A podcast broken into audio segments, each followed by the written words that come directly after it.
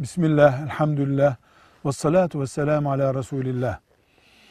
Anne ve baba ayrıldıklarında veya kavga ettiklerinde evlada düşen o kavgaya karışmamaktır.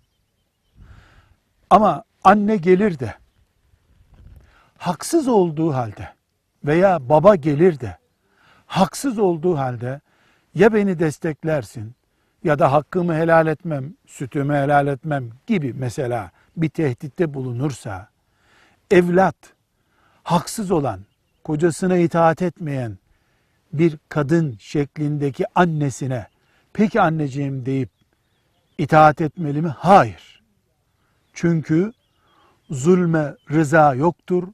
Zulme destek olmak bizim dinimizde yoktur. Anne zalim durumdaysa o zalıma destek olamaz evlat. Evlatlık hizmetini yapar. İhtiyaçlarını giderir. Ayağını öper, zulmüne destek olmaz. Erkekse öyle, yani babası öyleyse babasının zulmüne destek olmaz. Hizmetini görür ama. Asıl olan aralarına girmemektir. Ondan sonra zalıma destek olmamaktır. Üç, evlatlığı devam ettirmektir. Bin kere boşansa, bin kere kocasına zulmetse, cehennemlik olsa o annedir gene. Babadır gene. Sen evlatlığı yaparsın, aralarındaki tartışmaya girmezsin, zulme destek olamazsın. Peki zalim durumda mı anne? Bunu nasıl karar vereceğiz?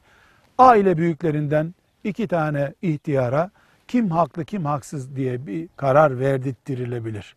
Velhamdülillahi Rabbil Alemin.